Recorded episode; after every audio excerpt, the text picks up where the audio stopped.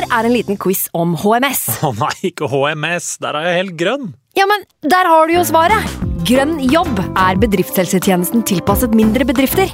Våre HMS-eksperter hjelper mer enn 8000 bedrifter over hele Norge med alt fra lovpålagte HMS-krav til pålegg fra Arbeidstilsynet. Få på plass bedriftshelsetjeneste på grønnjobb.no. Hallo? Jeg kommer fra Oslo politikammer. Ine Jansen er purk. Er du purk? The motherfucking bitch. Alt jeg vil, er å finne ut hva som skjedde med mannen min. Jon Carew. Er jeg sikta for noe? Iben Akeli. Det er du. Ole So, Lars Berrum og Big Daddy Karsten. Hvem sin side er du på, egentlig? Anette Hoff, Tone Danielsen, Kommer du fra Afrika? Jørnis Josef, Nesten. Kløfta. Trond Espen Seim, Det er synd å si det, men det var feil mann som døde. Purk. Premiere tirsdag på TV2 Play. I can't believe it. Football, bloody hell.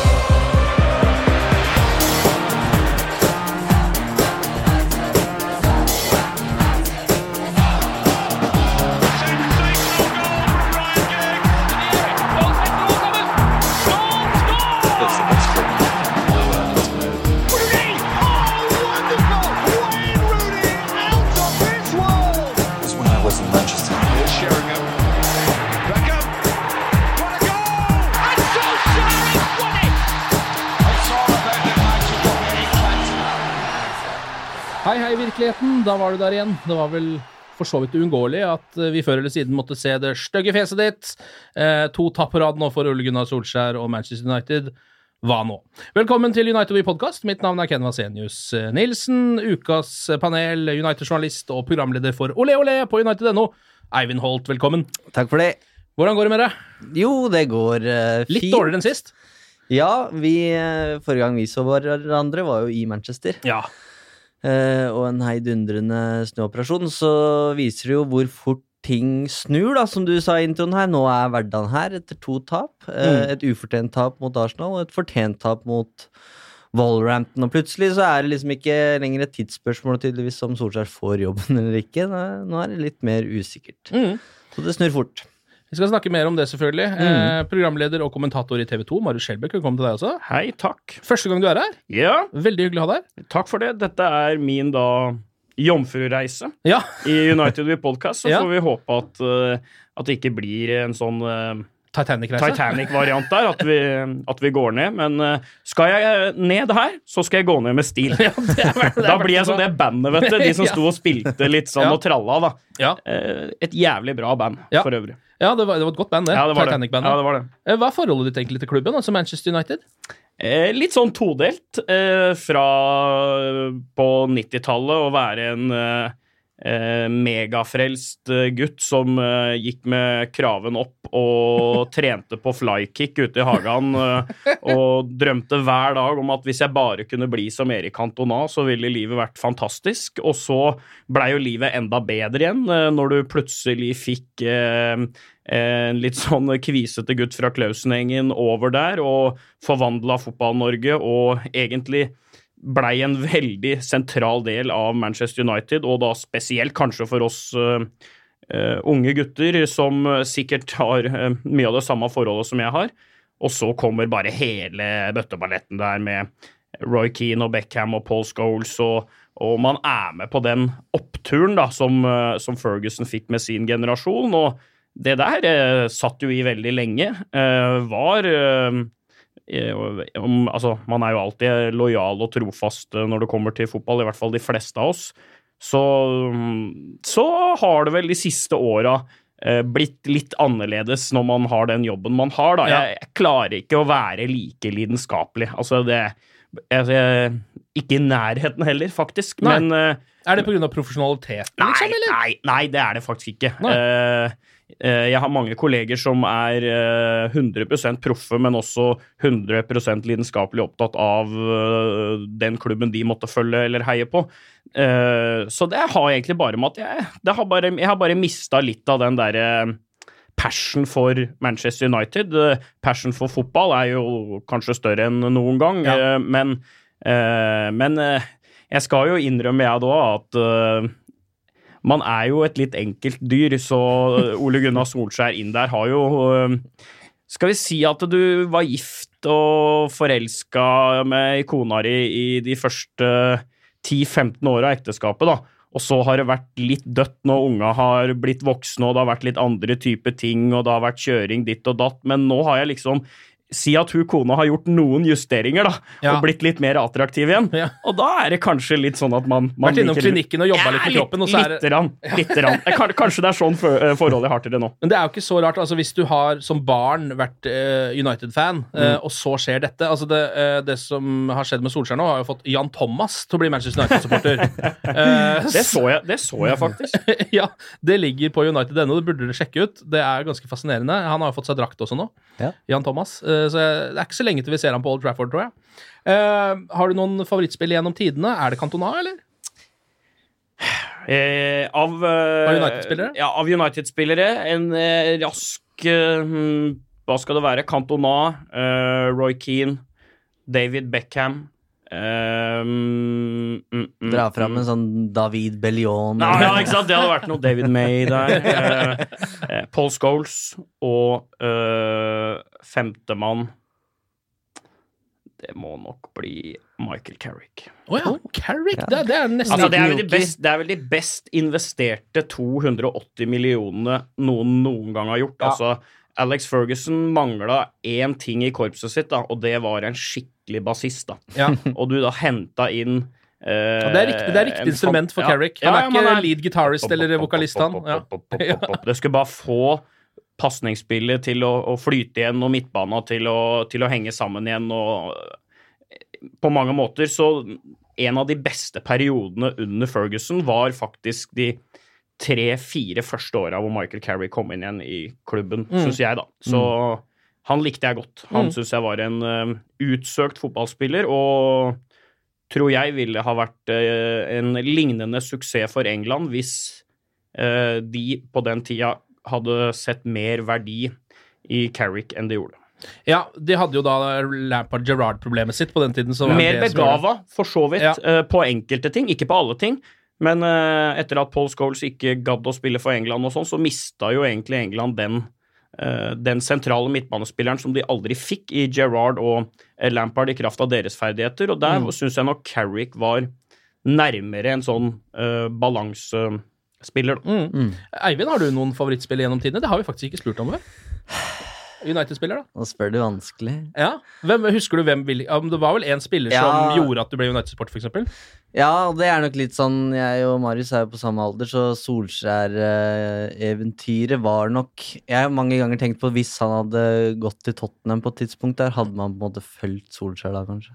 Ja. Men eh, nei, for meg så var det mm, David Beckham, altså, som Ja. var den største, og det var Husker jeg, husker jeg prøvde å sånn gro Beckham-manken, da. Det så jo ikke bra ut. Nei, Men, hvis man skal eh, følge med på alle, alle hans frisyrer, så får du jo en dyr regning. Men jeg gjorde jo det, vet du. Ja, du gjorde det. Ja, jeg gjorde det som barn. Uh, og uh, var jo da uh, um, såpass interessert at jeg prøvde å kopiere sveisene til Beckham uh, jevnt og trutt. da. Men da han på nyåret 2001, var det det, dukka opp eh, med eh, skalla, Ja. da sa mamma nei. Ja. Eh, da, da var det slutt på det. Men jeg tror det gikk et, et sug i kroppen til veldig mange mødre akkurat når de så David Beckham første gang på skalla, med skalla hår. Med 2002 VM i Japan og Sør-Korea der hvor du da kunne stille med hanekam på fotballskolen. Og da er det faktisk en dobbeltside av meg i en avis som heter Hamar Dagblad, hvor det står 'Her er eh, Ankerskogens David Beckham'. det er nydelig. Ja. Er nydelig. Um, jeg vil bare si det at Martin Jøndal, VGTV-sjefen, kommer også inn her, så ikke Ja. skvett hvis han plutselig kommer inn eh, døra der. Han var vel på Wolverhampton-kampen, så vidt jeg vet, så vi skal Ja. snakke litt om uh, det også. Mm. Um, jeg bare lurer på, eh, tenkte å ta det aller først. Hvor lang tid tenkte dere det kom til å ta da sir Alex Ferguson tok med seg den siste United-pokalen uh, og stakk hjem til kona, før de bygde opp et mesterlag igjen? Altså, Hvor mye tålmodighet var det man Alle visste at dette kom til å ta tid, men har det nå tatt lengre tid enn det man trodde?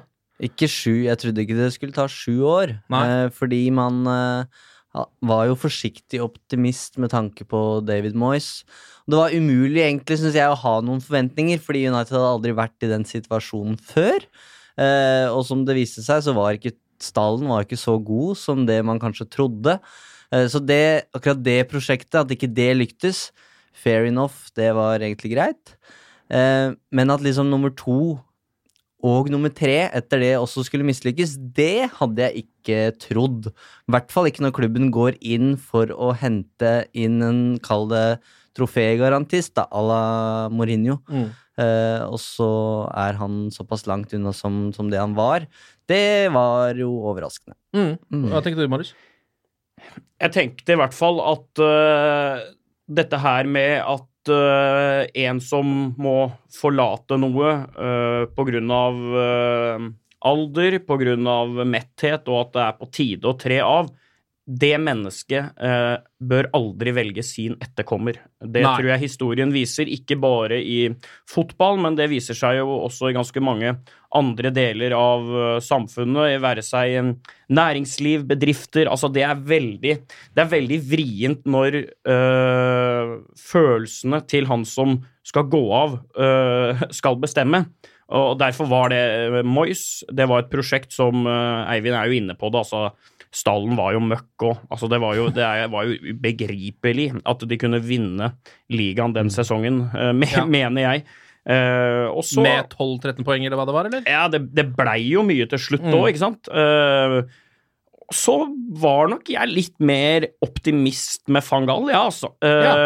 hvert fall da jeg så hvilke spillere som blei henta inn. Men det man da kanskje ikke mm, visste, eller forsto, det var jo at eh, Halla! Her blir det flere. Tre skal bli til fire. Velkommen skal du være, Martin. Ja, takk. å ap apropos det å hente uh, folk, da, Ja. som vi da var inne på midt i resonnementet her, Ja. så, så viste det seg jo at liksom den derre identiteten og urkraften i Manchester United fra uh, 89-90 og helt fram til Ferguson og 2013, den mista jo United. Altså, United begynte å blafre rundt med hundrevis av millioner, milliarder, og det Manchester United-supportere alltid liksom var Ha-ha-ha, vi er nå i hvert fall ikke som eh, City og Chelsea og det. Blei jo like ille. Ja. Det blei jo like, ble jo like fordømt ille. De, mm. Alle ligner på hverandre. Så kom jo da Mourinho, og det det var jo for så vidt en bra sesong, eh, med tanke på at det City-laget det hadde man aldri passert uansett. Men eh, jeg er redd det kan gå noen år til, ja, altså, før Mm. United vinner ligaen. Vi driver og snakker om det, Martin, at eh, hvor lang tid man trodde det kom til å ta da Ferguson ga seg, før det liksom ble bygd opp et mesterlag igjen. Ja, ja. Hva tenkte du? Hadde, hvor, mye, hvor mye tålmodighet eh, la du opp i det det skjedde? Altså var det sånn Ok, vi gir det fem år, vi gir det ti, vi gir det sju. Ja, altså Med Moyes ved roret så var ikke optimismen enormt stor. Men jeg tenker fem år var Ja. eh, eh, Jeg vet ikke om dere var inne på det før jeg kom, men det laget Fergie Ja, avslutta med, det var jo ikke et spesielt sterkt United-lag. Det tror jeg alle supporterne var klar over. At det ligagullet i 2012 der, eller Ja. det, det var en enorm prestasjon. Ja. Eh, Så Men du tenkte fem år, så nå er det Så alle her er enige om at nå Mm. er vi på en måte på overtid, uh, ut ifra det man tenkte akkurat der og da, da, da han ga seg. Og ut fra penger som er brukt. Ja. Ja, han snurpa jo igjen eh, etter Glacier og eh, tok over, og fikk jo jævlig mye ut av Mm. relativt sett lite. Men det som er interessant nå, da, er jo at man igjen måtte gjøre en antakelse eller en vurdering på troppen, da, når Mourinho sliter som han gjør eh, i løpet av høsten, og han har en retorikk hvor han hele veien skylder på andre ting, blant annet at Dalen er ikke god nok, og jeg får ikke de spillerne jeg vil ha. Jeg tror det, selv om mange United-supportere nok sukker og tenker liksom hva er, det du, hva er det du snakker om, Mourinho, så tror jeg det over tid da, så smitter det på en eller annen måte og skaper en slags eh, Ja, at det nesten blir en sannhet, da, at troppen ikke er god nok. Men Også- hadde han litt rett i det eller? Ja, uh, så kom jo Ole- Gunnar Solskjær inn, og med samme troppen, da, uh, gjør det han gjør. eh, og, og kommer seg til topp fire. De elleve poenga utligner han på ni kamper, tror jeg det var. Og da begynner man liksom å Plutselig så ser en Lindeløf bedre ut, og en Luke Shaw bedre ut, og Ander Herrera og Lukaku. Alle ser jo mye bedre ut. Og så har man på en måte et annet inntrykk av stallen igjen, da. Eh, så det har, no, har jo mye å si hvem som leder laget også.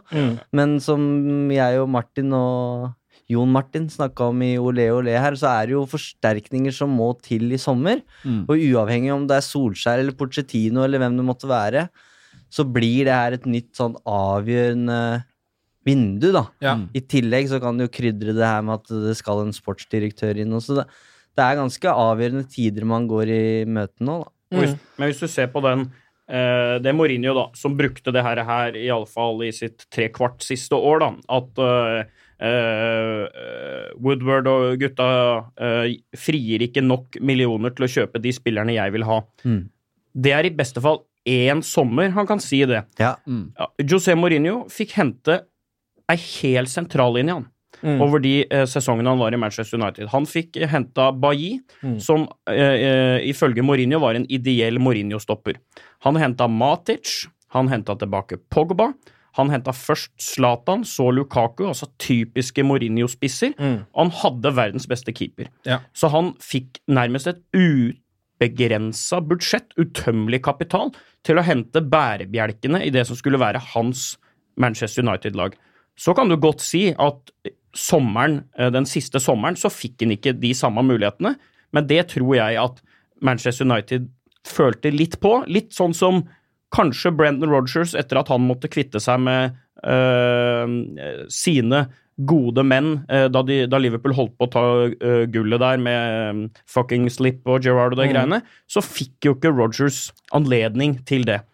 Og det tror jeg ofte er litt sånn at da Det er egentlig et tegn på at klubbledelsen er litt sånn ah, Mista litt trua. Jeg tror det, altså. Og det, og det mysteriet her, altså det, og det hadde vært helt Den historien der hadde hengt helt på greip hvis ikke det var for at Mourinho fikk en ny treårskontrakt, var det Ja. vel? Ja. Eh, Ja. halvt år før sommerferien. Ja, absurd. Det er det som på en måte fucker med hele den, eh, den det bildet. Ja, det, det Eh, tyder jo på en klubb som famler i blinde, rett og slett. Ja, altså, ja Resonnementet ditt stemmer helt på en prikk, minus det faktum at han Ja. fikk den kontraktsforlengelsen. Men, Hvis ikke så hadde jeg en, skjønt hele resonnementet. Ja, og så er, det bis ja. og så er det business. Det er et aksjeselskap som både er på børser i øst og vest, så liksom justeringer og sånn for eh, eiere osv. er jo utrolig hårfint, da. da. Da José Mourinho får sparken, så stiger jo Altså, jo mer føss og bøss det er, jo, jo mer verdifull er klubben. Så det er, det er så mye krefter i sving i et sånt univers at eh, Altså tenker jeg kanskje at uh, vi hadde litt stang ut i fjor sommer også. Det, vi veit jo ikke. Uh, altså Bildet sånn i etterpåklokskapens lys er vel at Mourinho leverte fra seg en liste spillere han ønsker seg, som Mm. ikke helt stemte med Altså i alder og, og kanskje stemte med hva eh, Woodward og, og eierne mente var eh, veien videre. Men det kan jo hende at man hadde stang ut på et par uh, par spillere som man gikk etter, men ikke det var et VM, ikke sant? ikke sant? Det, var et VM, det det- kompliserer jo Ja. hele overgangsvinduet. Ehm, men det er ingen tvil om at eh, at eh, sommeren vi går inn i nå, blir utrolig viktig, uansett om Solskjær beholder jobben eller ikke. Eh, og så tror jeg at det er mulig at man om et par-tre år ser litt annerledes på, på, på den perioden Mourinho var i klubben. Mm. og det tror jeg vi er avhengig av karrieren Lindløf får Mm. eh, karrieren Dalot kommer til å få. Og et par andre sånne eh, altså, spillere han henta. Eh, Bailly har vi jo nesten avskrevet. Han har jo ikke spilt mye nå under Solskjær.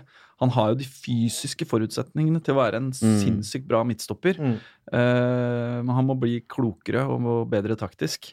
I, I Eh, neste utgave av United-supporteren så skriver litt om hvordan de tre første månedene til Solskjær har vært bak kulissene. Det er ikke så mye man får vite, og det er ikke noe sånn breaking news. Vi kan ikke melde at eh, Bale kommer i sommer, liksom, men det er en del historier og sånn, og da har vi fått vite en del om hva som skjedde da, eh, i overgangen Mourinho-Solskjær. Eh, og noe av det som vi blir fortalt, i hvert fall, er jo noe det, det spørsmålstegnet som du har, Martin, med at Mourinho fikk den nye kontrakta. Eh, og historien skal være det at det er han som på en måte pusha klubben veldig hardt for å få den kontrakta. mm. Han var jo så ute og snakka om PSG, ja. og greiene der. Um, og så er det jo det med de stopperne han ville ha i, i sommer, for det var jo det han først og fremst var ute etter. Ja. Eh, men når du da liksom har kjøpt Lindeløf og Bailly, og så skal du liksom kreve en tredje midtstopper, da, Mm. eh, så, så blir det har en- satt ja, spørsmål Jones ved det. og Smalling og Rockwood, de har jo masse midtstoppere, på en måte. Yes, og den eh, som du var inne på, Marius, det var VM, og da dukka jo de ryktene om Harry Maguire opp. Og det dukka Det skjedde veldig plutselig. Mm.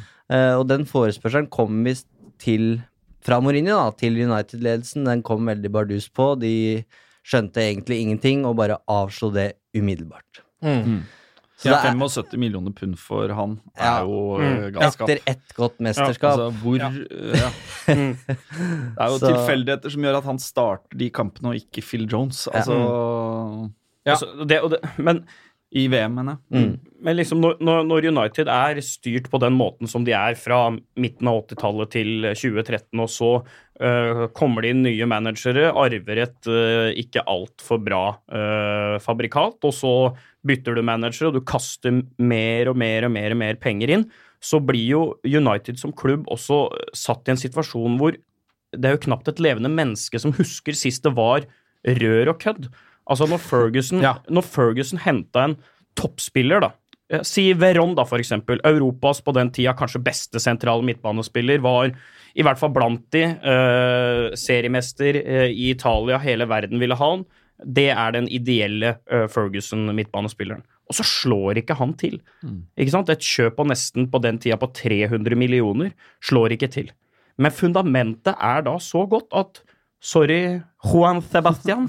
Adios. Mucho gracias. Jeg syns fortsatt at du er En god fotballspiller. Ja, kanskje en, en av verdens beste. Men det gikk ikke her. Her kommer Scholes og Darren Fletcher her. Mm. Det fundamentet er jo ikke der nå. Det må, det må Solskjær eller den neste manageren skape igjen, da. Sånn at du, du kan faktisk bomme på Di Maria eller Zlatan. Og så har du likevel noe som står igjen og, og leder det videre, men det har det vært litt mangel på, syns jeg, da, etter Ferguson. Vi skal uh, snakke litt mer om det viktige overgangsvinduet som kommer. Vi skal snakke litt om de ryktene som er rundt transfers akkurat nå. Men først så tenker jeg at vi må snakke litt om uh, Uniteds siste kamp, Wolverhampton. Du var vel der, eh, Martin? Ja. Hvordan var det? Uh, det var jo litt tungt, det. Ja, det var det. Ja, det var tungt, ja. Wolverhampton er jo tungt i Ja, utgangspunktet. det er jo ikke, det er jo ikke liksom eh, Det er ikke en europeisk metropol. Du er ikke i. Paris. Nei, du er ikke i Paris. eh, Så Uh, Det regna, det var grått, og det var uh, generelt trist. Uh, Men, men Så er det noe show de før klart matchen der, Hva, ja, de kjørte på med noen raketter, og det var jo god stemning på bortepubene før match. Og, Altså, hvis du reiser på fotballtur eh, og du er avhengig av at laget ditt vinner for å, for å etterpå tenke at det var verdt å ta turen, så mener jeg du, da har du misforstått litt eh, hvorfor Mm. man Ja. drar på tur. Eh, Ja. Fordi eh, toget med noen kalde øl på, på can, eh, jeg reiste med faren min, eh, puben før match eh, det er jo hele pakka. Eh, og stemninga blant United-fansen var, var veldig bra. Det var sykt trøkk der, særlig tidlig i andre omgang. Selv om Wolverhampton sin bortesekvens, altså der de plasserer bortsupporterne, er helt uh, håpløst. De lager jo en sånn rad langs hele, langs hele langsida. Og så man får ikke lagd stemninga, man sitter Nei, ikke i vi- klynge, liksom. Nei, men nå var det jo FA-cup, da, så vi hadde mer billetter enn vi har i ligakampene. Men da, da var det jo i kvadrant i tillegg. Heldigvis satt jeg i den kvadranten. Så der var det, var det veldig, veldig bra trøkk. Men hvordan var eh, Um, altså, optimismen, hvis man Det er kanskje ikke riktig ord, men uh, blant supporterne etter den kampen? For da blir det liksom tap Ja, nummer to. jeg, jeg tenker ikke at det forandrer noe på at de tre siste månedene har vært en fantastisk eh, reise. Nei. Eh, Men hva tenker du de andre, altså de lokale tapt- Fergie tapte også fotballkamper. Uh, han tapte mot Wolves, og Mm.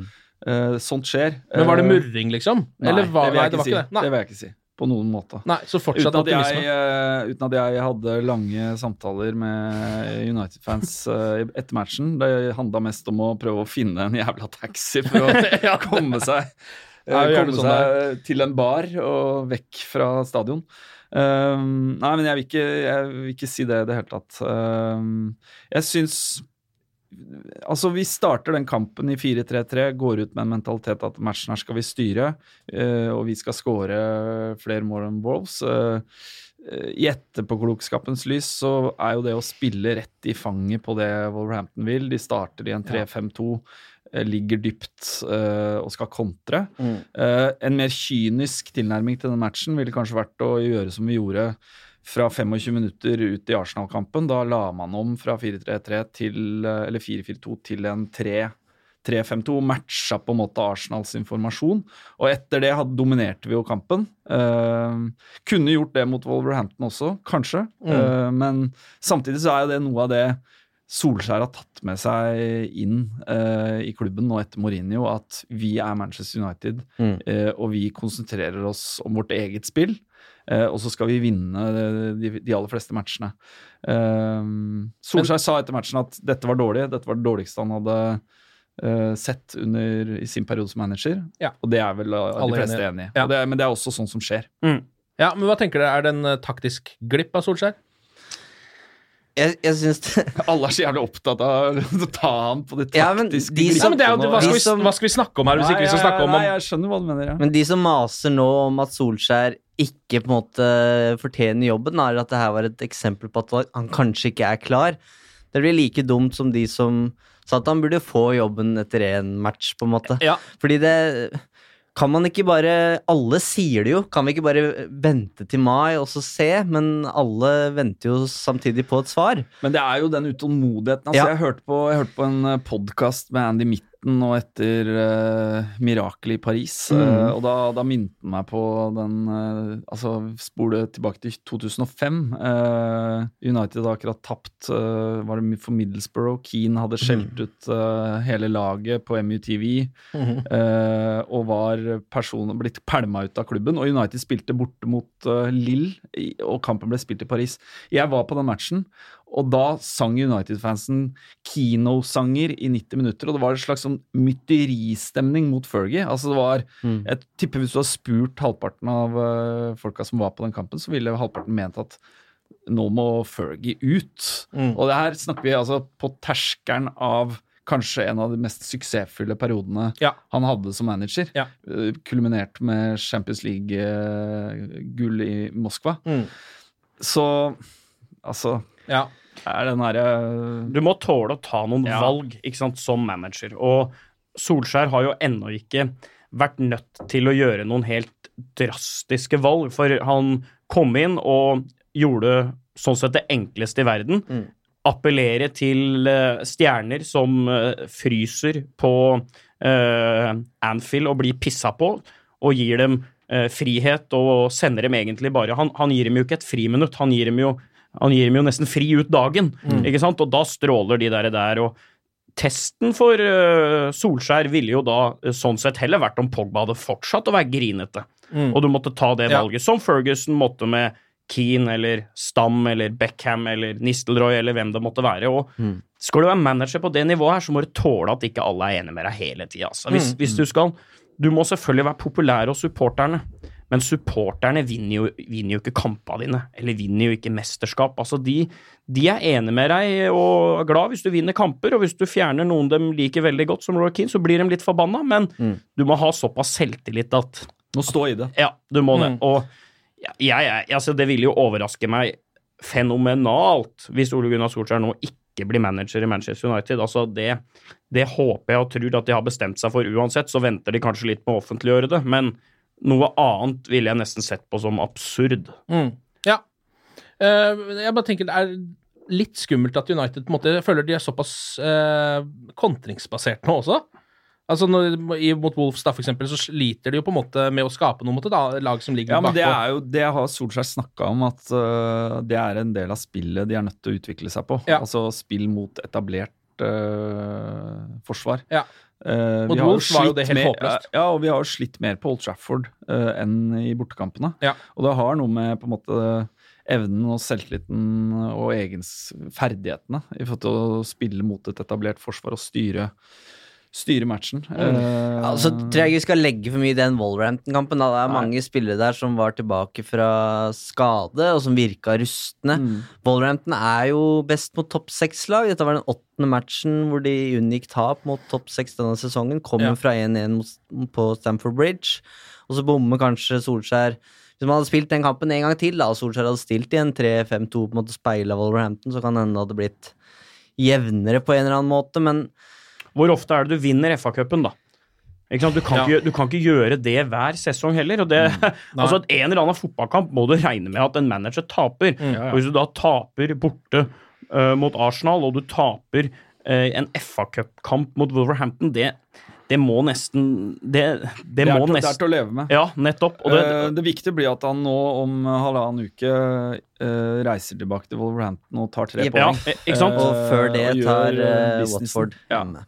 Jeg kommer ikke til å stikke eh, til Wolverhampton. Nei, blir ikke en ny tur til Wolverhampton, nei. Nei, Nei, jeg, du. jeg tror jeg dropper det. Og så tror jeg den på en måte, de, de tre månedene her har vært ganske energikrevende. Da. Det har, altså, har kosta mye, både fysisk og mentalt, med tap for PSG og så seier i Paris der. Altså, det, på et eller annet tidspunkt så føler jeg det måtte komme en sånn slags utladning, da, og den Ja. kom ikke mot Arsenal, egentlig, for da spilte de jo veldig bra. Ja. Da var, det bare, da var det bare flaksen vår som begynte å Ja. gjemme seg ut. Så, Det var det, altså. Det var så, ja, så flatt mot uh, Wolverhampton. Nå er det landslagspause, og 75% har meldt forfall, så da bør de være tilbake, tenker jeg, der de skal være mot Watford. Ja.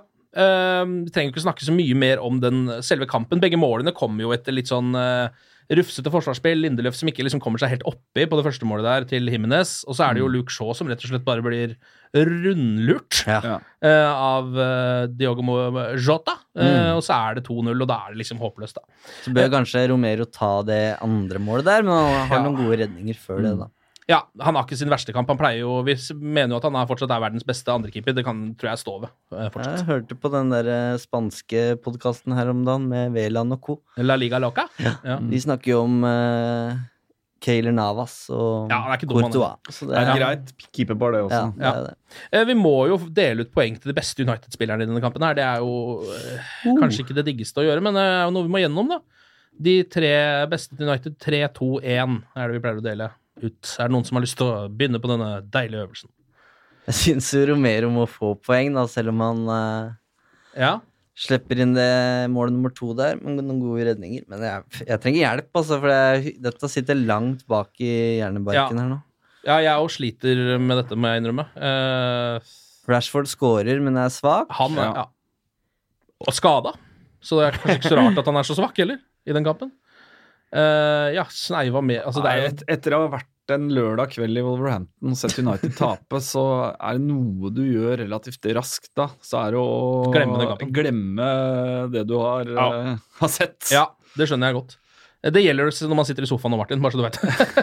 ja, altså, nesten Jo, men du har god tid til å glemme det eh, når du reiser hjem tolv timer dagen etter. Ja.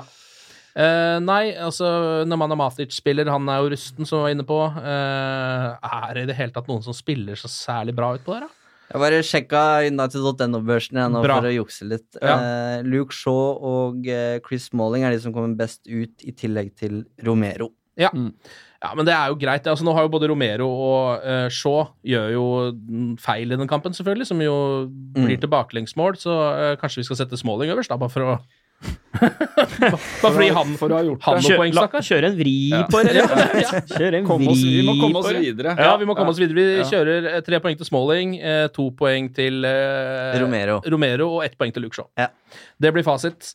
All right. Um, ute av FA-cupen nå, fjerdeplassen. Uh, litt utenfor Uniteds egen kontroll, kan man jo si. Må være litt heldig med andre resultater. Møtte Barcelona i Champions League. Eh, kan bli vrient. Kan det hende Heldigvis er jo ikke Messi i så veldig god form, så vi får se hvordan det går. Eh, men kan Ole Gunnar Solskjær på en måte nå få den jobben uten å ha noen av de kryssene på sjekklista? For de kryssene er jo da altså en FA-cupseier, kanskje komme seg veldig langt i Champions League, eller å få en fjerdeplass. Alt det kan jo nå eh, falle. Men allikevel så er han jo liksom favoritten til å få den jobben. Ja, jeg tror han kan eh, få den uten topp fire og Ja. avansement i Champions League. Han Ja. har gjort det han skal i Champions League. Ja, han har det. Og i FA-cupen så har han tross alt slått ut Arsenal og Chelsea. Mm. Og han har putta seg sjøl i posisjon Yes. til å få Ja. en topp fire. Ja. Uh, og um, det var vi definitivt ikke uh, i desember. Nei. Og kanskje er vel så viktig er vel forvandlingen man ser både i spillestil og kanskje nesten aller mest i liksom humør. Ja, for, ja, for snu på det, da. Hvis Si at United ikke klarer Slår ikke ut uh, Barcelona, men går ned med flagget til uh, topps. Uh, og topp fire på en glipper, da. Men de, det er ikke en katastrofal dupp. Det er bare Marginene er ikke helt på Uniteds side. Hva skjer hvis United ikke gir Solskjær jobben? Ja. Jeg tror det blir, som vi snakka om her, mytteri nesten. Altså da United-fansen kommer til å reagere sterkt, og Woodward er visstnok veldig opptatt av hva spillere og, og supportere tenker da, om, Mm. om manageren som sitter der. Så Nå har jo nesten, altså i hvert fall halvparten av spillerne også vært ute og snakka om allerede at han burde få den jobben. det blir veldig rart hvis han ikke får den nå. Ja, det gjør jo det. Nei, det er, er ikke det Er ikke det der en bra trekning? Er ikke det kult? Nå, Jo, får, jo, jo, nå får de Barcelona.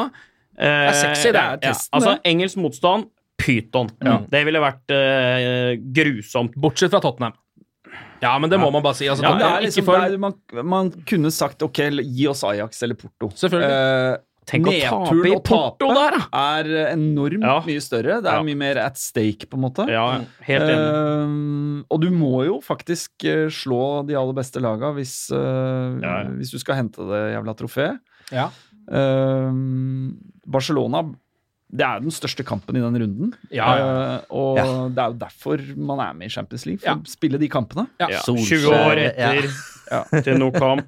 Eh, Solskjær kommer innpå uh, ja, ja, bortekampen. ja, ja, ja. Han eh, Litt sånn eh, uten å avsløre, Ja, ja, ja. sitter han plutselig med draktnummer på benken der og bytter seg sjøl inn i det 90. Og snu litt på det, da. Altså, eh, Barcelona er eh, kanskje ved siden av Manchester City det eh, vanskeligste, mest krevende oppgjøret du, du kunne ha eh, blitt trukket i.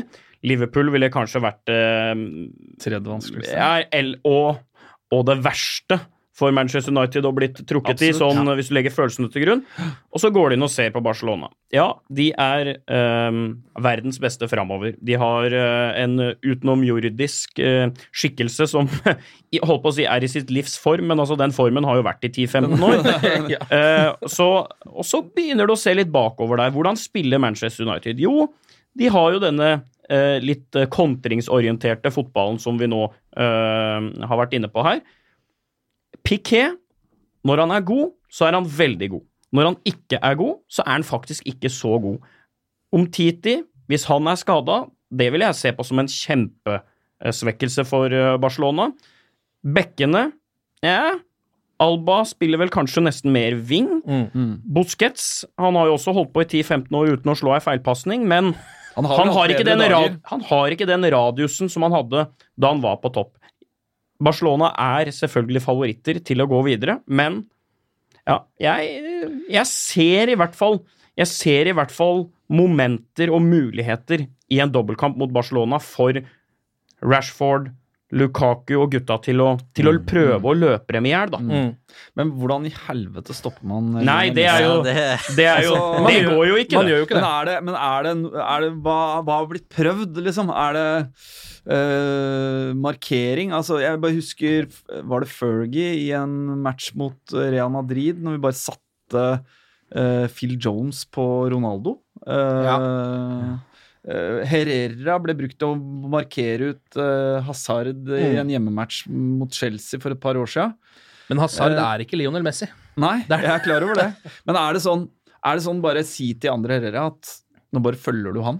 men ve Eh, venstresida til Barcelona er viktig. Det er eh, Alba, som du snakka om, Marius. Og der tror jeg Jesse Lingard kan spille en eh, avgjørende rolle, da, som en Mm. slags førsteforsvarer og, og stoppe det som skjer der. Men når Messi får ballen, så er det liksom ikke så mye du får gjort. da. Altså, Nei, du kan si at du skal ta han hardt, men du er ikke i Du får nærheten. ikke skada han heller. Nei, du, er, du, men du rekker ikke. Men Messi i Argentina, han eh, Ja, men det handler vel så mer liksom om, om Argentina. da. I Barcelona så er han i sitt naturlige habitat. Mm. Ja, jeg har sett den spille en del gode kamper for uh, Argentina også. Argentina også. Men, men jeg er jo enig, altså, det, er, det er jo en forskjell der, men der er det ikke sant, Argentina, der er det mye der er det mye rør, altså. Når du, når du klarer å ansette Diego Maradona som landslagssjef Altså, det er, jo snart, det er jo snart ikke en argentiner som Nei. ikke har én A-landskamp. Han lot jo hele kontinentet få landslagsutstyr. Men Cambiasso og de gutta, de, de liksom bærebjelk dere må, dere må bli hjemme, altså, når vi skal til VM, for her, her skal svigersønner Ja, og ja, sikkert ekte og uekte sønner og Alt skulle jo få en landskamp, og da, da er det vel et klima som eh, kanskje Messi ikke eh, er like komfortabel i som han er i den herre katalanske gryta, da, for å si det Nei. sånn. Nei, det blir jo altså uhyre spennende uh, å se hvordan det der går. Jeg begynner faktisk å bli med på litt av den tankegangen om at uh, det er deilig å, ha et, å spille mot et lag som er, for det første, uh, det mest sexy laget man kan spille mot. Den mest sexy kampen. Alle kommer til å se på dette. Alle øynene er retta mot Manchester United igjen. Det skjer jo ikke så ofte nå som det har gjort før.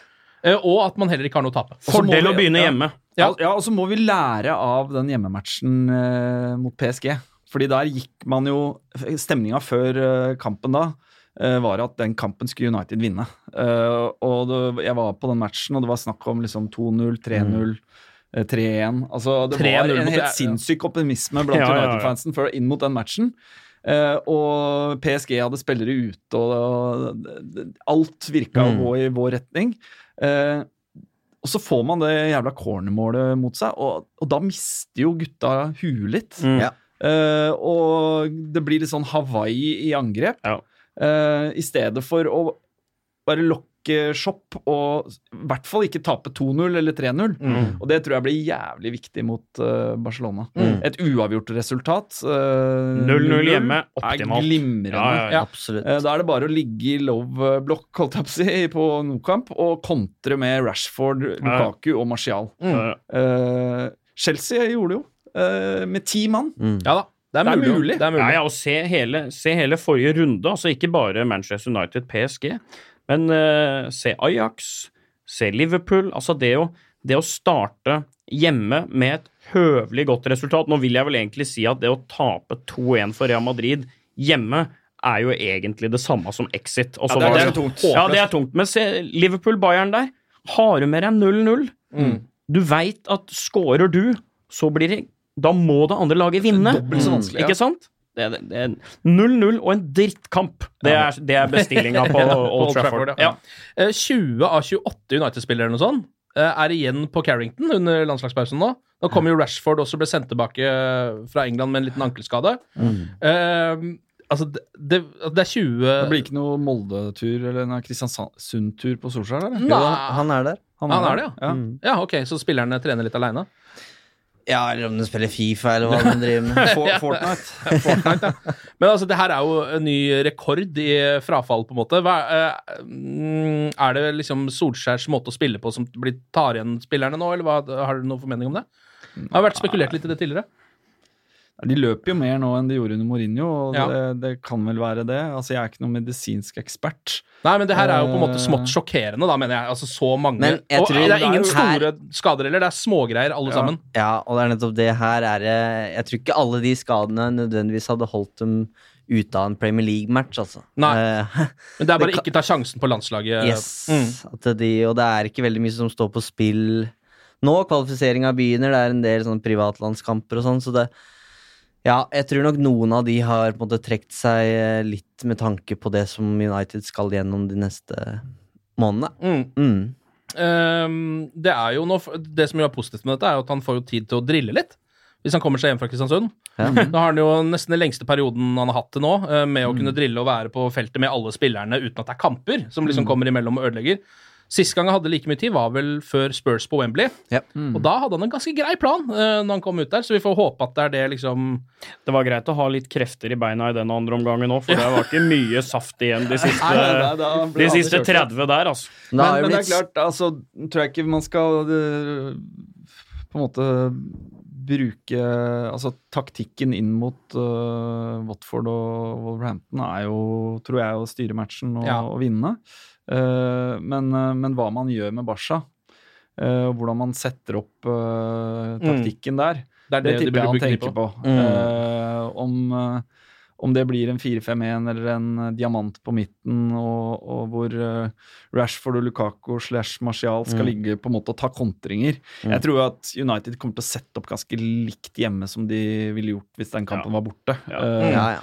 Det der er to kamper hvor Barcelona kommer til å ha ballen eh, minimum 60% av tida, kanskje 70 Mm. uh, og så blir det jævlig viktig å få kvalitet i uh, kjappe overganger og kontringer. Mm. Så må du ha litt tur. Så må Ja. du ha litt flaks. Du må ha litt Ja, ja, ja, tur, rett og slett. Ja. Eh, litt, noen overgangsrykter kan vi ta tak i her. Ja. Som jeg alltid har sagt, så er Real Madrid drømmen for alle. Det er en av de største klubbene i verden. Nå er også Zidane tilbake, og det er som en drøm for alle som liker fotball. Men nå er jeg lykkelig i United under ny trener. Jeg er lykkelig i United, men ingen vet hva fremtiden bringer. Sitat Paul Pogba. Ja, det var ikke deg, altså, Ken. Det var ikke meg! hva skal vi legge i dette? Jeg tror eh, vi først og fremst må sette oss litt inn i konteksten, for det er vel det er sagt på en pressekonferanse på landslagssamlinga til Frankrike. Ja. Eh, Derav Zidane-referansen, ja, kanskje? ikke sant? Og Zidane tilbake i Real Real Madrid. Og han er det største fotballikonet i, i eh, Frankrike. Og det blir, for å ta en veldig teit sammenligning, da Hvis en norsk Si at Joshua King, da Så prøv å glemme at han har vært i United, men får spørsmålet på pressekonferansen Hva ville du sagt hvis du fikk sjansen til å spille for Ole Gunnar Solskjær, som nå er på en måte den største fotballguden i Norge? Mm. Da kan jo ikke han si Nei, det, det Jeg tror jeg blir i Bournemouth, jeg, altså. Og spiller kan- for Eddie Howe. Han kan jo si det. Han eller- kan jo si det, men den dagen han eventuelt blir henta av Solskjær, så ser det veldig dumt ut, da. Ja, men det han kan si, og som han kanskje bør si, eller som Pogba bør si, er jo eh, Ja, all respekt for det Ole Gunnar Solskjær gjør, han er en fantastisk manager. Jeg spiller for Bournemouth. Men, men dette handler jo også om uh, den dagen han eh, skal sette seg ved kontraktsbordet Ja. og forhandle lønn. Uh, og, Mm. og det tror jeg tipper jeg de spillerne der blir, uh, blir drilla i av agentene og folka rundt de, at hvis du vil at jeg skal gjøre en best mulig jobb for deg når vi forhandler lønn Så eh, flørt litt med andre klubber. Ja, men ikke i hvert fall uh, lås deg eh, med lenker til uh, og, og vis med all tydelighet at uansett hva de betaler deg, så, uh, så blir du. Mm. Og det er liksom Du kan si prisen du betaler. hvis du tar Class of 92, eh, så tipper jeg, hvis du spør Gary Neville, Paul Scholes og Ryan Giggs og de, de var sannsynligvis villige til å ta en litt lavere lønn for å ha muligheten til å vise den lojaliteten og være offentlig utad 100% United. Jeg skal ikke spille noe annet sted.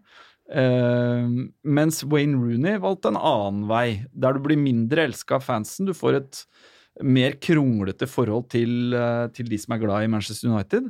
Men økonomisk så kom han sannsynligvis bedre ut av det. Mm. Uh, og han gikk det jo så langt med at han var omtrent på vei til City, og han brøt jo omtrent forholdet med Fergie Ja. for å få opp eh, lønna. Og straffen hans for det er jo at han er eh, all time toppscorer, men fortsatt så er vi ikke helt sikre på om han er en legende. Nei, jeg- sant? jeg og, og husker- fotball er en business, liksom. Og, og de gutta der, de uh, tenker vel som så at uh, jeg skal ha mest mulig av den kaka. Uh, resten av den kaka går i lomma til uh, Glacier og eierne. Det er en kynisk jeg, bransje, Ja, liksom. Og hvem, hvem skal du være lojal til? Det, det er et spørsmål som eh, fans og supportere også må stille seg litt, fordi at uh, Jeg skal ikke kalle dette en brannfakkel, men klubben driter i deg i det øyeblikket du ikke er i dagens fotball, om det er i Eliteserien eller om det er i Premier League eller whatsoever. Hvis ikke du har en funksjon lenger i laget, så driter klubben i deg. Da er det rett til Sunderland eller West Bromwich eller hva det måtte være. Se på han agenten, da. Som antagelig, nå prater jeg ikke bare om agenten til Pogba, men på et generelt grunnlag, da, hvis du er Didier Drogba eller hvem du er. Den agenten har helt sikkert oppdaga deg i en slum og på litt dårlige vilkår. Han har tatt seg av familien din, han har tatt seg av kanskje nærmiljøet ditt og passa på deg i alle mulige forhandlinger. Han har gjort deg til en, eh, et attraktivt objekt for andre klubber osv.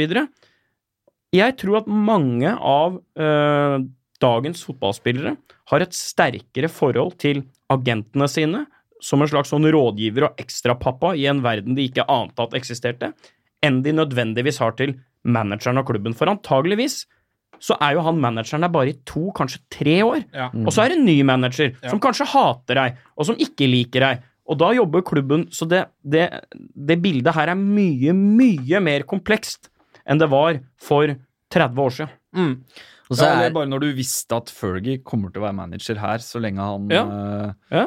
Så lenge Mm. han uh, har helsa til det, typ. Mm. Uh, nei, men bottom line er vel at uh, dette må man bare forvente beste i uh, internasjonal uh, fotball. Det var et Og jeg- politisk korrekt svar det Ja, òg. politisk korrekt svar. Jeg på en måte heva ikke et uh, øyebryn. Jeg altså, tenker tror jeg det gjør er- den mannen til kaptein i sommer, og når eh, neste kontraktsforhandling kommer, så fortjener Paul Pogba å være den best betalte spilleren i Manchester United, sånn som han har prestert de siste tre månedene. Og så er det utenkelig, tror jeg, i hvert fall for meg, at Paul Pogba blir i United resten av karrieren. Og det hadde det vært hvis han ikke hadde gått til Juventus også. Fordi Ja. han er en sånn i, ja, I mangel på et bedre ord, da, en litt sånn rastløs type som vil ha nye utfordringer. Eller han har Mina, Mina Ja, ja. Raiola, eller hva faen han heter for noe, til, man- til agent. Raiola. Raiola.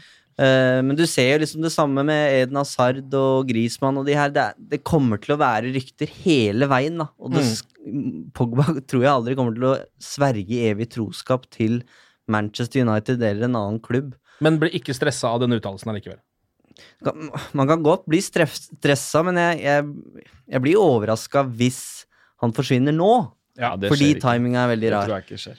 Eh, ryktene ellers går jo på altså Jaden Sancho har jo vært innom eh, tidligere. Mm. Eh, virker vel som han er den eh, høyrevingen de har sett seg ut nå.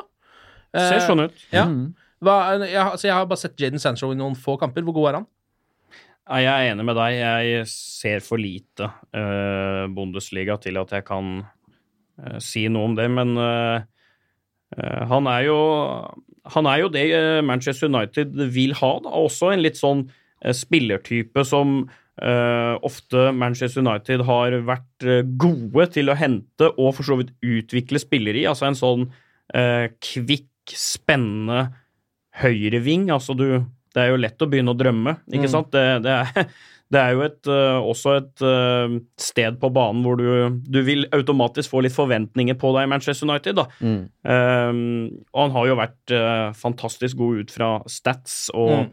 ut fra de jeg kjenner som ser Bundesliga mye, så uh, han er helt sikkert uh, Han er helt sikkert et veldig yndet objekt. Jeg ville Hvis jeg skulle hente én spiller fra hylle én, da, så ville jeg henta en stopper.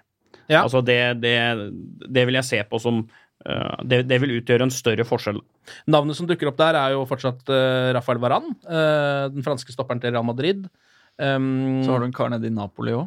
Ja, Kolibali, ja. Mm. Jeg, har, jeg har sett mer om Varan i det siste, men det der går jo Neste uke er det Kolibali igjen, liksom, så man vet jo Da aldri. er det vel sånn at Varan trenger ny kontrakt i Real, da. Det kan jo for, for så vidt hende, det. Jeg ser i hvert fall at Men- spanske journalister mener at eh, hvis Varan går fra Real Madrid, så er det til Manchester United. Men hvor Men mye skal man legge i det? Det jeg la litt merke til nå når jeg var og så de live kontra på TV, det var eh, eh, hvor mye av det offensive spillet til United som går ned venstrekanten. Ja. Eh, og hvor skeivt vi spiller, egentlig. Ja, men det er jo fordi den høyrekanten har jo vært svakhetspunktet i United i noen år, da. Ja, og det, det tenker jeg man må adressere. Jeg er for så vidt enig med deg at en, en stopper av topp, topp internasjonal klasse ved siden av Lindeløf eh, vil være kjærkommet. Men uh, for laget totalt sett så tenker jeg at, uh, at vi må adressere den høyrekanten. Og jeg er usikker på om vi har råd til eller tid til å vente på Dalot. Man har jo leit der flere år. Ja, jeg tenker Dalot er en, en vanvittig spennende prospect på høyreback, og en herlig mann å, å ha i rotation i squaden. Og, eh, Og kanskje en framtidig førstelags- eller fastspiller? og en framtidig førstelagsspiller, Mm. men, men i sommer tenker jeg optimalt sett vi trenger fire, fire, fire stykk. Uh, stopper er nevnt. Høyrebekk på, på et Og gjerne en høyrebekk eh, fra 25 til 30, som, Mm. som er topp internasjonal nå. Mm. Uh, en midtbanespiller og en høyrekant. Og på høyrekant tenker jeg Sancho er et, en ideal eh, kandidat, fordi, ideell kandidat fordi han er ung, ekstremt talentfull. Jeg har heller ikke sett nok uh, til han spille, men jeg leser jo Dere hadde en artikkel nå fra han Bundesliga-eksperten til, til Eurosport. Ja, Eivind Bisgaard Sunde. Ja, eh, og det var jo Han la jo ikke veldig mye imellom på at det var en mann eh, United Han sammenligna vel. Sancho med Kylian Mbappé. Det var, Ja. det var ikke Ja, verre enn det det. er ikke verre enn det, nei. Det er det jo greit nok, Men det. hadde jo vært litt kult å hente. penger. Hadde jo vært kult å hente At han på en måte ikke gikk til City òg, ikke sant? Det, det, Ja. det ligger jo det ligger jo noen litt artige poenger der også. Det er visst United og PSG som på en måte ligger i, Mm. i førersetet, da, eh, i jakten på Jaden Sancho. Men det spørs hvor mye penger eh, man får i sommer, da. Hvis man, eh, man, hvis man skal hente fire spillere på et, på et uh, internasjonalt nivå på de fire posisjonene, så må man fort bruke 300 millioner. Nøkkelen her blir jo å Mm. kvitte seg med Alexis Sanchez. Det, det, Mm. det må det være. Med Ja, den lønna der, så frigjør det jo Ja. Har det, Rojo er vel på vei ut? Skulle Ja, det, det er jo flere som forsvinner, antageligvis. Ja. Eh, Valencia, Valencia. spilte jo nå natt til fredag for Ecuador, 90 minutter. Har spilt én kamp for Solskjær og er jo lagt ut en del sånne treningsvideoer på Instagram. Og sånn. da, nei, da skjønner du at det er noen som er på jakt etter ny Jo, men, men, men, det, men det sier seg jo egentlig sjøl. Hvis, hvis Rojo går, gjøre plass til en ny stopper. Ja. Valencia går, gjøre plass til en ny høyreving. Mm. Eh, Fellaini er allerede ute. Der er det et rom for en, en midtbanespiller. Eh, og så er høyrekanten på en måte et, eh, en posisjon der vi ikke Hvis man skulle sagt at vi har et naturlig førstevalg der, så er det vel Jesse Lingard. Mm. Ja. Eh, og backupen hans eh, i en i hvert fall tradisjonell 4-4-2-4-3-3 er vel fort Mata, og han Mm. kan absolutt eh, muligens forsvinne i sommer, han også. Mm. Så da er det i hvert fall en fire Fire, kanskje fem på vei ut, eh, og så rom for eh, noen på vei inn. Mm. Men bare for å skyte inn, da. Marius vil ha ny stopper. Du vil ha ny høyrekant. Og høyrebekk. Og jeg vil ha ny defensiv midtbanespiller. Jeg mener det er det viktigste. ja. Men eh, der har det ikke vært så veldig mye Det er ikke så mange navn på blokka der. Nei.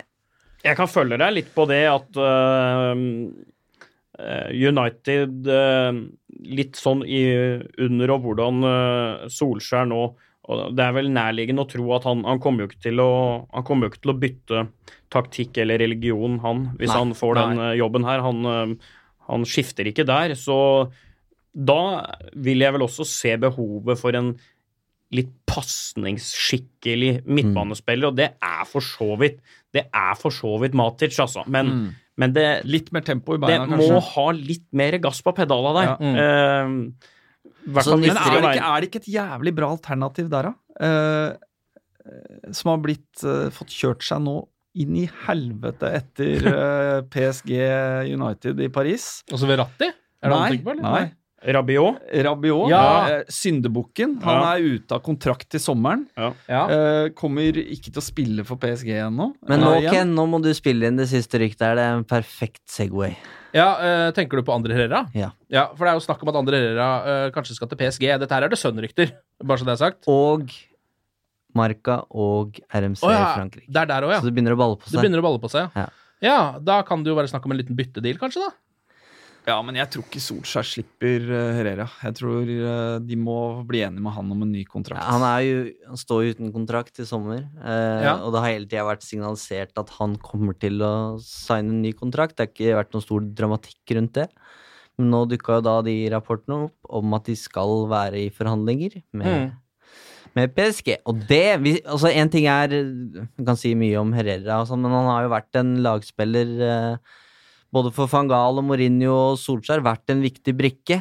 Og problemet til United er jo hvis de må ut på markedet og erstatte andre Herrera. Ja. For da, da slipper de han gratis, og så må de da antageligvis ut med ja, Men la oss si at det- 300-400-500 millioner da, for en ny spiller. eh, la oss eh, krysse fingrene og, og satse på at dette handler om å på en måte tyne de siste 20 000-30 000 punda i uka ut Ja. av eh, Woodward. Hvis han er i kontraktsforhandlinger Eh, og de ryktene kommer, så er det litt logisk å tenke sånn, faktisk. Ja.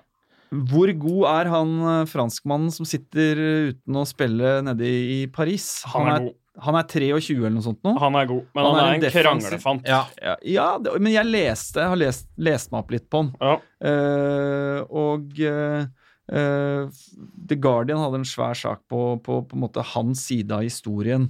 Eh, og jeg må jo si at eh, jeg fikk ikke voldsom sympati med de eh, som styrer i PSG i bakkant av den artikkelen der. Nei. Nei. Eh, har han landskamper for Frankrike? Men surra det jo til der òg. ja. Ikke sant? Du Ja. er jo da uvenn med, med Didi Boy også, så Ja. Men han er jo en eh, Jeg husker ikke første gang jeg så han, men eh, Det var vel en eller annen sånn eh, her Kamp eh, 2030 på en litt sånn skjelven og gåen søndag oppe på Torshov og satte på her, og det eneste som da kunne serveres, var et eller annet sånn Montpellier, eller et eller annet sånt noe, og så da dette her, og da var vel han 20-21 år. Mm. Da, det var vi sa i, i, i stad her, at Carrick var litt sånn, som jeg kaller det, sånn bassist. Mm. Han Rabiot hadde den derre rhythm and blues. Altså, Ja. han, han bare lå og levde i den midtbanen og korte Tony pasninger, lange på. Ja, litt sånn elegant, eh, håret som flagrer litt. Det liker jeg, altså. Men, eh, Ja, kan, må- jeg, ja. kan jeg minne om en uh, fransk urokråke som, uh, som fant seg greit til rette i United for eh, en liten decade siden? Jo, altså uh, Cantona han urkråke, han flykicka folk på tribunen og sånn, men Adrienne Rabiot han har altså eh, sparka sin egen mor som agent. Eh, som, så Det, er sikkert- høres jo ut som en veldig fornuftig det, det er sikkert, det er sikkert handling, da. veldig fornuftig, men det, det er jo også en litt sånn uh, Jeg kan gi deg noen eksempler på det den andre burde gjort òg. Ja, men det er bare det akkurat den Når du i tillegg har liksom uh, litt sånn rykte på deg for å falle ut med alt som er av trenere, så gir det et, et stempel som jeg tenker sånn Kanskje ikke den snilleste gutten i Nei, han var i seks forskjellige akademier, var Adrian Ja. Rabiot. Ja. Ja. Jo da, men Cantona, det er jo en det er jo en delikat sammenligning. Altså, han, eh, han krangla jo med alt som var i Frankrike. Absolutt. Uh, Han ble ble blei- utestengt fra hele Han landet. trengte, han trengte en skulder, Ja, eh, ja. en arm rundt skulderen, Ja. og en mann som trodde på han. Men var, altså da, var altså da seriemester i Marseille, måtte pigge. Ble Ja. altså seriemester i Leeds og måtte pigge. Mm. Og så kom han til Manchester United og gjorde en del gode sesonger, før du da Gode, altså episke sesonger. Mm. Før du da la opp når du egentlig hadde igjen fem-seks år. Ja. Så det er jo bare en eh, vakker historie. Ja, det er det. Men jeg må innrømme at jeg blir litt eh, Jeg, jeg tenker, uh, uten å ha Men den veldig spillertypen er ikke Rabiot, da. Nei. Det, det er han ikke. Nei, nei overhodet ikke, men han er Men det du beskriver Han er caset, kanskje, du, altså sånn du- mentalt. Det du beskriver sånn Ja. spilletypemessig, er jo egentlig en perfekt alternativ til Ja, Matic. helt enig. Helt enig. Uh, og en spiller som kanskje kan låse opp uh, de etablerte forsvara litt mer effektivt. Men jeg må innrømme det at hvis, altså, hvis Herrera skulle gå til PSG, og Mata ikke skulle skrive en ny kontrakt og også forsvinne, eh, så har man jo da merkelig nok, siden det er to spanjoler, men da mister man faktisk litt United-DNA. På et eller annet vis, For det er det nærmeste vi kommer nå. på en måte. De er jo United through and through, de gutta der. Jo, men eh, jeg- både i måten de snakker på, måten de oppfører seg på. Uh, hele pakka, liksom. Men, men jeg tror jo Solskjær var jo inne på det i den podkasten med Aune og Skau, Uh, at uh, det som eventuelt taler for da, at Mata blir i klubben en sesong til Han har vel et ettårskontraktsforslag på bordet, tror jeg. Ja, han vil ha to. Han Mm. vil ha to. men, men det er nok litt det du nevner der. Uh, stemninga i klubben, i garderoben, den spanske klikken. Uh, du har Herrera, du har De Gea, du har keepertreneren, Mm. Mata. Sikkert Romero som snakker spansk. Eh, og hele ja, sikkert. Jeg tror Mata, ut ifra hvordan han fremstår i bloggen sin, hvordan han fremstår i intervjuer, initiativet hans med å gi 1 av lønna si til veldedighet, og det han har fått til der Altså, Han virker jo å være en, en mann du vil ha i en fotballgarderobe. Ja, absolutt. Eh, og han kan, kan absolutt Han har levert eh, gode matcher denne sesongen for United, og eh, kan ha en, en, en rolle inn i neste sesong også. Ja, du skal spille fryktelig mange kamper i løpet av en sesong, ikke sant? Mm. Så en uh, hjemmekamp mot et uh, svakt lag, altså den type no? ting, Ja. så, så vil jo Mata være en Et alternativ. Eh, ja, og det, det vil han antagelig være i iallfall ett år til. Det er Watford som venter, altså. Eh, Det er vel ikke noe annet enn seier man må satse på der. På eh, hjemmebane. Det er vel på lø neste lørdag, eller sånn? Er det det det blir? Ja, nå, ja, etter landslagspausen er over. Jeg får håpe at um, alle de gutta som er småskada nå, går og halter, at i hvert fall halvparten av de er tilbake igjen og, og i form til den matchen.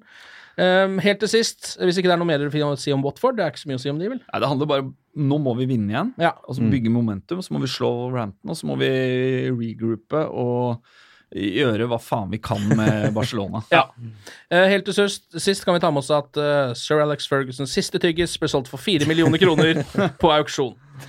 det er altså så dumt. Så den- Kjetil Rekdals siste snus er nå solgt for eh, 8 kroner og 50 øre. Holdt på å le meg og så den hvite, ferdigtygde jævelen i et monter. altså, det er så dumt, det. Ja ja, gutter. Vi satser på poeng mot eh, Eller ikke bare poeng, men tre poeng mot Watford. Eh, Marius, Eivind og Martin, eh, tusen takk for innsatsen. Takk Takk i like måte. Glory, glory. Det går bra, Martin. Det går bra.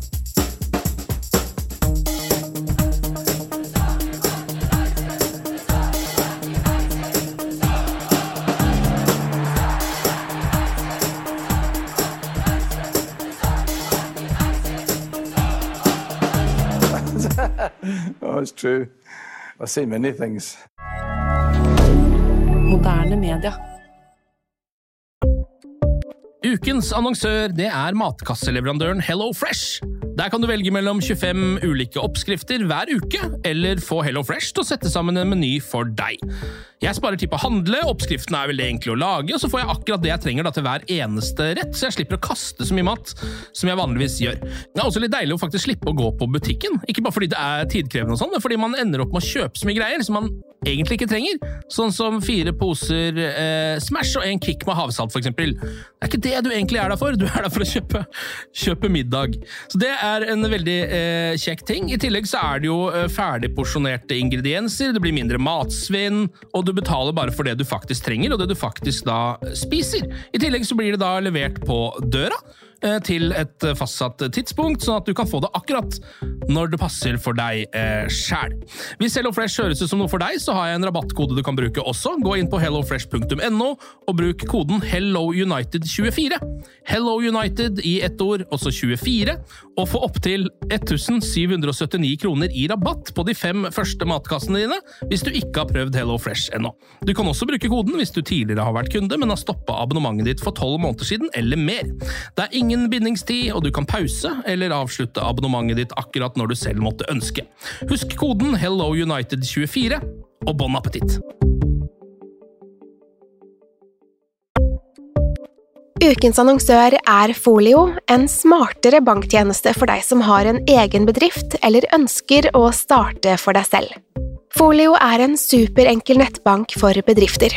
Som kunde i Folio får du en bedriftskonto med et bedriftskort og app.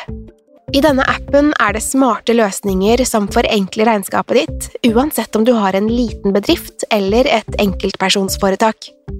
Folio er både intuitivt og brukervennlig, og er laget med et enkelt språk. I tillegg tilbyr de forutsigbare priser og ingen skjulte gebyrer. Skulle du likevel trenge det, så kan du snakke med deres raske og hyggelige kundeservice, og der får du prate med en faktisk person og ikke en chatbot. Folio er med andre ord både enklere og koseligere enn banken. Over 10 000 bedrifter har allerede valgt Folio som sin banktjeneste, så besøk folio.no og se hvordan Folio kan forenkle din hverdag også. Har du et enkeltpersonforetak eller en liten bedrift? Da er du sikkert lei av å høre meg snakke om hvor enkelt det er med kvitteringer og bilag i fiken, så vi gir oss her, vi. Fordi vi liker enkelt. Fiken superenkelt regnskap.